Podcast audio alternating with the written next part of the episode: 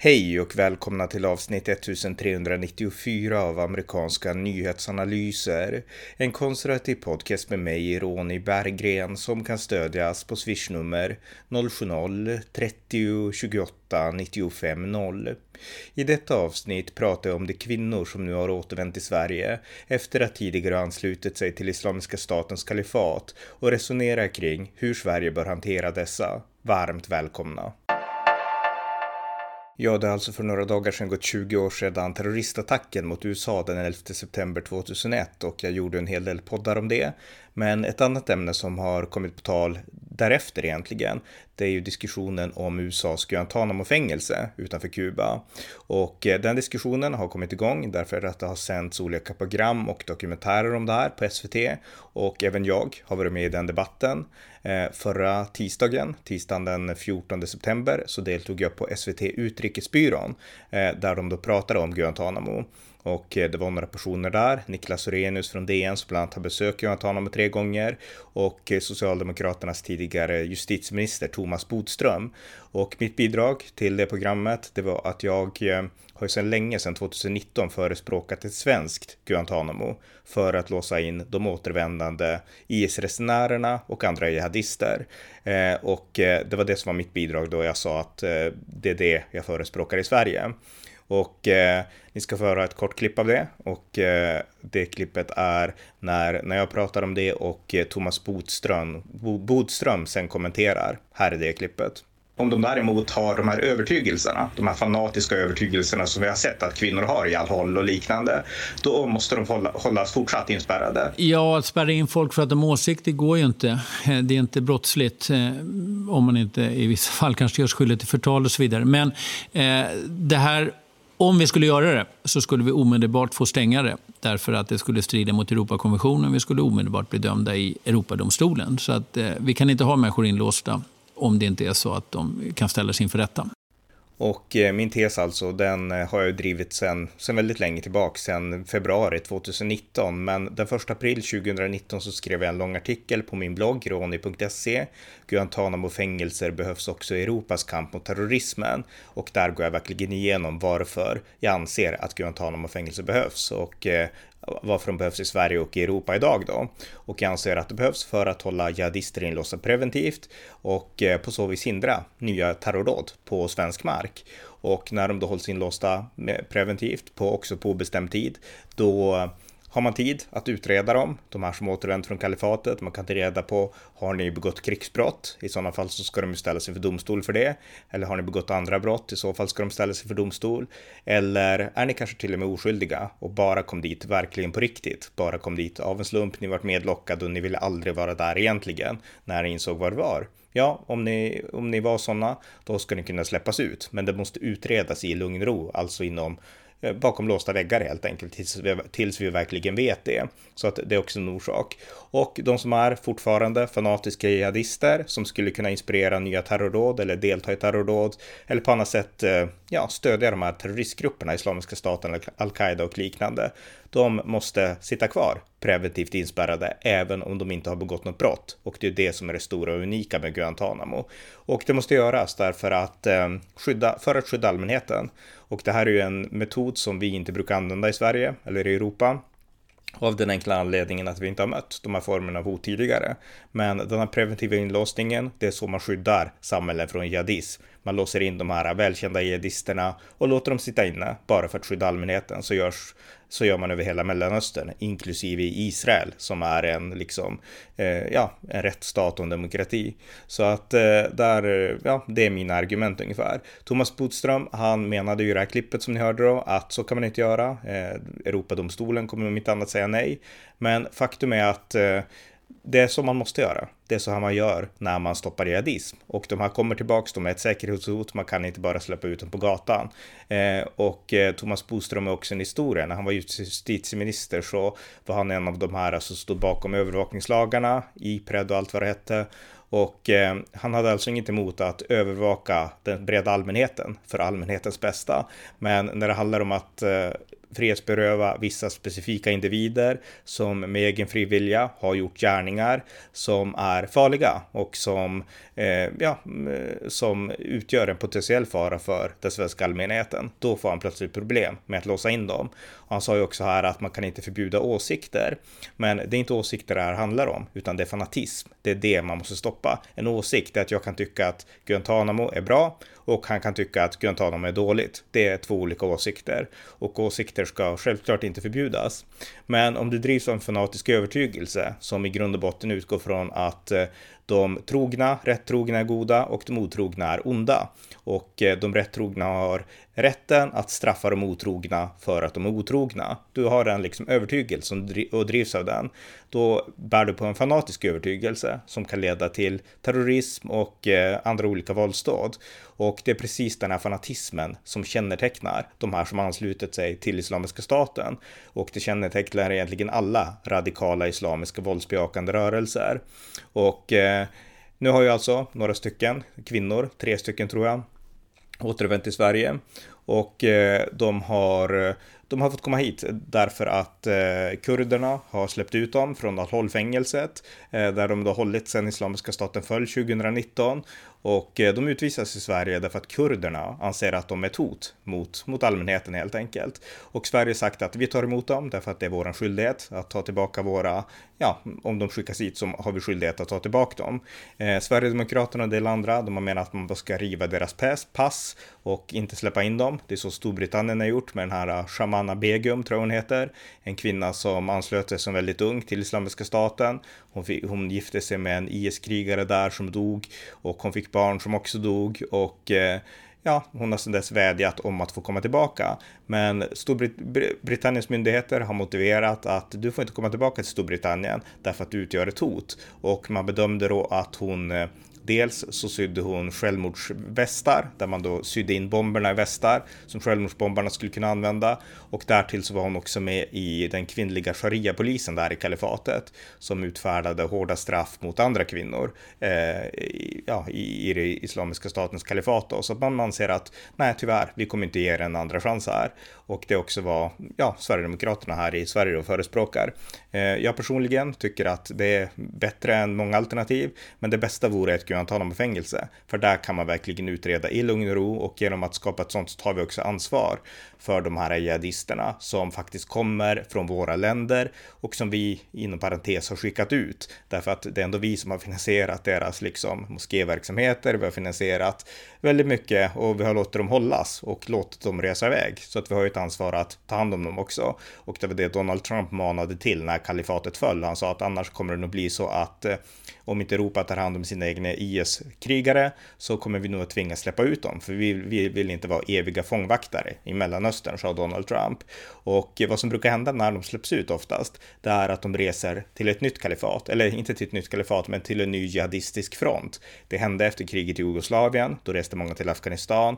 Det hände efter att USA störtade talibanerna 2001 i Afghanistan. Då reste många till Irak för att kriga mot USA där. Och eh, därefter så när de störtades eller krossades i Irak så flydde de till Syrien, återgrupperade och liksom IS, IS vad säger man, turism helt enkelt från en front till en annan är inte ny. Så att det är ett av problemen med att bara släppa dem och stänga vår egen gräns så att säga. För då kommer problemen växa någon annanstans och till slut så får vi smaka på dem igen. Så att jag anser att ett Guantanamo fängelse är det vettiga. Men Thomas Boström här, han kommer inte med några konkreta förslag alls utan han tycker bara att det här är ett dåligt förslag.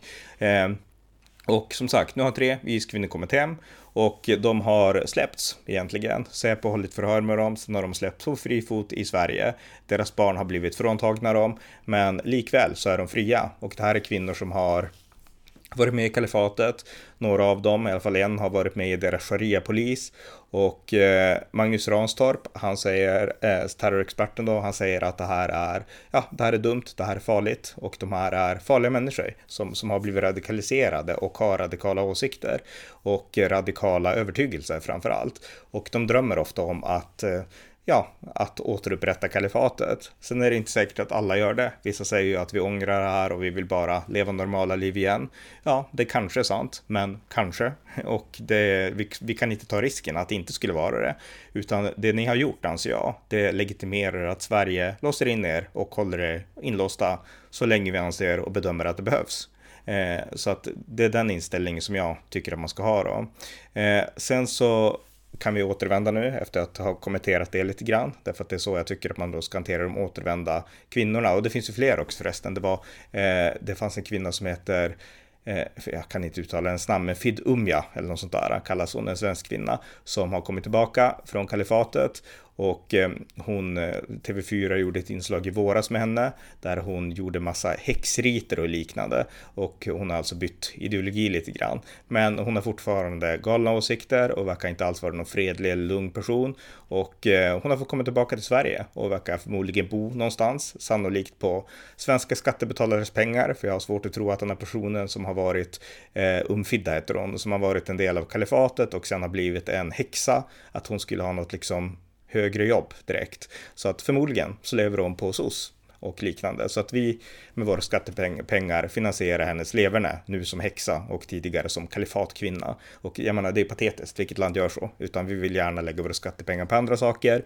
Men däremot så skulle skattepengar såklart kunna lagts på en, eh, ja, på en cell i ett slags svensk Guantanamo såklart. Eh, där hon då kan utredas och i lugn och ro hanteras. En annan kvinna, eller om det var samma, det vet jag inte, som var inlåst på rättspsyk. Eh, hon hotade en vårdare med att döda den här vårdarens familj och eh, hon blev nog dömd för det senare också tror jag. Men vi har många problem här och även de här manliga återvändarna som det inte pratas om så mycket nu för de har kommit i tidigare skede. Men många av dem har gått tillbaks till våld igen och eh, vi har ju sett de som reste till Al-Qaida och liknande tidigare. De har till och med försökt göra, utföra olika terrordåd. Och Doku.nu, de har ju väldigt många, eh, de listar ju de här väldigt bra. De här eh, jihadisterna och salafisterna vid namn och så här, varifrån de kommer och vad de har gjort och så. Jag är ingen expert på de här enskilda personerna som ni säkert hör nu i det här, utan jag är mer intresserad av de övergripande idéerna och responsen mot terrorism. Men vill man verkligen granska de här personerna på individnivå så är Doku en väldigt bra källa. Och eh, det finns andra också och så. Men det är i alla fall vad jag anser om den saken. De bör låsas in och därför bör Sverige ha ett svenskt Guantanamo. Sen har diskussionen om Guantanamo-basen i sig fortsatt. Eh, SVT2, de hade en dokumentär igår, Dokument utifrån, där man också hade program om Guantanamo, USAs Guantanamo-bas. Och eh, det var en före detta fånge som var oskyldig som hade fått sitta inne 14 eller 16 år. Och på SVT Utrikesbyrån som hade de också en sån person med när jag deltog då, även om inte jag var i studion och kunde kommentera det specifikt. Så att det målas upp den här historien som alltid har målats upp i Sverige av Guantanamo. Att det är ett stort övergrepp på mänskliga rättigheter och USA gjorde fel och så vidare och så vidare. Och det här är en sida och en väldigt liten sida av Guantanamo. Och eh, vill man ha en heltäckande bild av det här så rekommenderar jag helt enkelt att man läser min artikel eh, som jag skrev i den 1 april 2019 på min blogg roni.se. Guantanamo-fängelser behövs också i Europas kamp mot terrorismen. Därför att där gör jag upp med det här med att det bara var oskyldiga och eh, driver snarare tesen att USA släppte fångar alldeles för lättvindigt. I grund och botten så fanns det 780 fångar på Guantanamo, vilket är väldigt lite jämfört mot hur många som USA hade på andra platser i världen, eh, i Irak och i Afghanistan. Men eh, av de här 780 så sitter nu bara 39 fångar kvar och eh, det här är fångar som med all sannolikhet har liksom varit, i alla fall utgjort, allvarliga potentiella hot mot, mot USA och mot civila och mot väst. Så att, eh, och det här också är det fängelse som USA har för att kunna låsa in fångar preventivt. Så att Guantanamo behövs. Och eh, Joe Biden, han kommer ju att försöka stänga det, har han meddelat. Barack Obama försökte det också utan att lyckas. Men Joe Biden vill också stänga det nu. Och han motiverar det med att Guantanamo är en Eh, ja, radikaliserar terrorister och eh, terrorister värvas när de ser de här bilderna på de orangea fångdräkterna och liksom muslimer som är kedjade.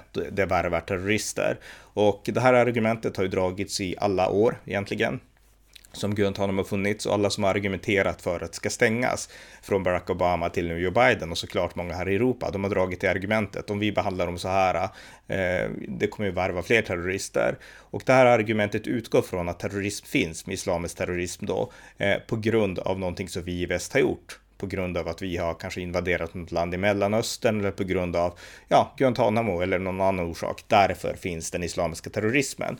Och så är det inte. Den är självdrivande. De här övertygelserna fanns långt innan Guantanamo fanns. De här övertygelserna fanns långt innan eh, västvärlden gjorde någonting i Mellanöstern. De här övertygelserna fanns långt innan det moderna Europa existerade, långt innan upplysningen. Det här är övertygelser som har funnits i 1400 år och den islamiska fanatismen går som en röd tråd genom islams historia och den har också ofta riktats mot andra muslimer, inte bara mot icke-muslimer utan även mot andra muslimer, precis som fallet fortfarande är. Men hela poängen är att den är självgående så att Guantanamo har inte så mycket att göra med det här och eh, general John Kelly som var en eh, chef för Guantanamo på 2010-talet han sa i ett förhör med senaten och i några intervjuer att eh, att eh, det här argumentet har jag hört, men när jag har pratat med jihadister i Irak och överallt så hör jag aldrig det argumentet från dem. De säger alltså aldrig att vi vi såg på tv hur hemskt ni behandlade oss på Guantanamo så att nu ansluter jag mig till, till Islamiska staten eller till al-Qaida eller talibanerna. Det argumentet har han aldrig hört, utan det är ett argument som förs fram i väst. För det här är den västerländska logiken till varför, hur kan de bedriva terrorism? Det måste bero på något vi har gjort. Det är en klassisk vänstersyn på saker och ting. Eh, det här med liksom det förtryckta och orättvisa och det är en typisk europeisk, ett europeiskt sätt att se på saken därför att för oss så är inte terrorism rationellt. Det är helt liksom främmande för oss. Så att då måste vi hitta förklaringar inom vår egen tankevärld och då blir det bara att ja, men de måste göra så därför att vi har gjort något tidigare. Men så är det inte, utan det här är en självgående kraft som i grund och botten beror på de här människornas övertygelser. Och när vi driver de här argumenten så visar vi hur naiva vi är inför de här övertygelserna. Och det är samma naivitet som går igen när vi släpper ut återvändande IS-kvinnor eller män i tidigare skede rakt ut i samhället igen. Det är liksom att tro att nej, men de, det där var inte på allvar utan det var någon slags tonårsgrej och sådär. Och det är inte så. Eh, jag har pratat om det förut, men i Afghanistan nu så vart, eh, så sitter fyra personer i talibanernas regering som tidigare satt på Guantanamo. Deras år på Guantanamo ändrade de inte, de är nu till åren komna. Deras ålder har inte ändrat dem heller, utan de har de här övertygelserna. Och Sverige har inte insett, vi är naiva inför det, vi har inte insett att människor kan faktiskt ha de här övertygelserna. Eh, Stefan Löfven sa ju att vi har nog varit naiva när vi inte insåg och förstod att folk kunde ansluta sig till Islamiska staten. Det här var ju typ 2015 eh, när 300 svenskar hade anslutit sig till Islamiska staten och Stefan Löfven sa att vi har nog varit naiva, vi har inte förstått att folk kan sympatisera med den otäcka rörelsen. Ja, men den naiviteten verkar bestå, tyvärr. Eh, jag kan också tipsa om en artikel som jag skrev idag på Bulletin, där jag då är eh, ledarskribent och eh, den heter Blir ett stänk Guantanamo Bidens nästa tabbe? Och där så resonerar jag då kring, eh, ja, Bidens önskan ska man väl säga, att stänga Guantanamo. Lyckas han så kan det bli en stor tabbe och eh, en tabbe eh, i likhet med den tabbe han gjorde i Afghanistan, resonerar jag kring där. Så läs gärna den, Blir ett stänk Guantanamo Bidens nästa tabbe? Så att eh, det var lite om det. Jag anser att eh, Ja, Guantanamo-fängelse som, som USA drev och upprättade 2002 utanför Kuba. Det var en bra idé och eh, det här var en idé som redan då fick stor kritik från Europa. Och eh, Bush-administrationen som upprättade Guantanamo, de hör, lyssnade på den här kritiken från Europa, men de tog den inte till sig därför att de ansåg att Europa har fel. Utan det var demokraterna som lyssnade, därför att demokrater vill alltid bli respekterade av världen. Och med det så menar de att de vill bli respekterade av Västeuropa. Eh, så att eh, de tog det med på allvar och de försöker nu stänga det. Men det är fel väg att gå. Guantanamo-basen och Guantanamo-fängelset var en bra plats för att hantera de här problemen. Det var ett, ja, det, det är ett rationellt sätt att lösa ett mycket allvarligt problem som västvärlden inte är riktigt van vid att hantera. Eh, det andra som jag också vill ha sagt då det är att det här alternativet behövs fortfarande, fast nu behövs det framförallt i Europa. Eh, det är svårt för jihadister att ta sig till USA, men det är lätt för dem att ta sig till Europa och vi släpper till och med tillbaka dem. Inte Storbritannien då, men, men vi i Sverige gör det. Och det kan vara, ja, det kan få stora allvarliga konsekvenser. Vi borde ha låst in dem och vi borde ha lagar. Vi borde ändra våra lagar så att vi har möjlighet att låsa in dem så fort de landar på svensk mark, oavsett om vi sen bevisligen vet att de har begått ett brott eller inte. För det här handlar om att motverka fanatism av en sort som vi inte är vana vid. Hela Mellanöstern är van vid den här fanatismen. Det finns exempel från Egypten när man försökte stoppa Muslimska broderskapet, eh, när Mubarak-regimen gjorde det. Och eh, det här var ju radikala galningar som predikade ett kalifat och de predikade jihad och liknande. Och eh, Mubarak låste helt enkelt in dem. Ofta torterade han dem också i liksom, sina fängelsehålor. Han var ju diktator. Sen låste han in dem, man satte dem i burar i domstolarna och de höll upp sina koraner i burarna och ropade om kalifatet, att de drömde om det khilafa och de var helt fanatiska och galna. Och de här kvinnorna i all håll, vi har sett intervjuerna med dem, när de skriker att kalifatet ska komma tillbaka och att de håller upp sina skor för att håna västvärlden och västerländsk eh, utbildning och allt liknande. De är fanatiska och galna. Och det här betyder ju inte att man är alltid fångad i sina övertygelser. Om vi anser, om vi bedömer att de här också är psykiskt sjuka så finns det möjligheten att de kanske kan bli friska. Så att jag säger inte att vi ska ta de här kvinnorna, låsa in dem och kasta bort nyckeln, utan vi ska låsa in dem tills vi har utrett eh, liksom vad de tror, vad de tycker, vilka deras övertygelser är, tills vi med säkerhet vet att de är eller inte är ett hot. Så länge ska de vara inlåsta. Och eh, det är egentligen bara det jag förespråkar då. Så att det är liksom inte att kasta bort nyckeln och glömma dem och begrava dem levande typ. Så är det inte. Så gör Islamiska staten kanske, men vi gör inte så. Och det är inte det jag förespråkar. Men hur som helst så, så har ni nu fått min syn på det här på Guantanamo och på iskvinnornas återkomst. Och eh, det här verkar vara ett angeläget ämne, därför att jag har ju pratat om det här ganska ofta och nu plötsligt så dyker det upp överallt i media. Och eh, det är glädjande och jag hoppas att fler ska läsa och ta, sig, ta till sig mitt förslag om behovet av ett svenskt Guantanamo. Och med det sagt så sätter vi punkt för det här avsnittet. Det var avsnitt 1394 av amerikanska nyhetsanalyser. En konservativ podcast som kan stödjas på swishnummer 070-30 28 95 0 eller genom att via hemsidan stödja på Paypal, Patreon eller bankkonto. Det var allt för idag. Tack för att ni har lyssnat.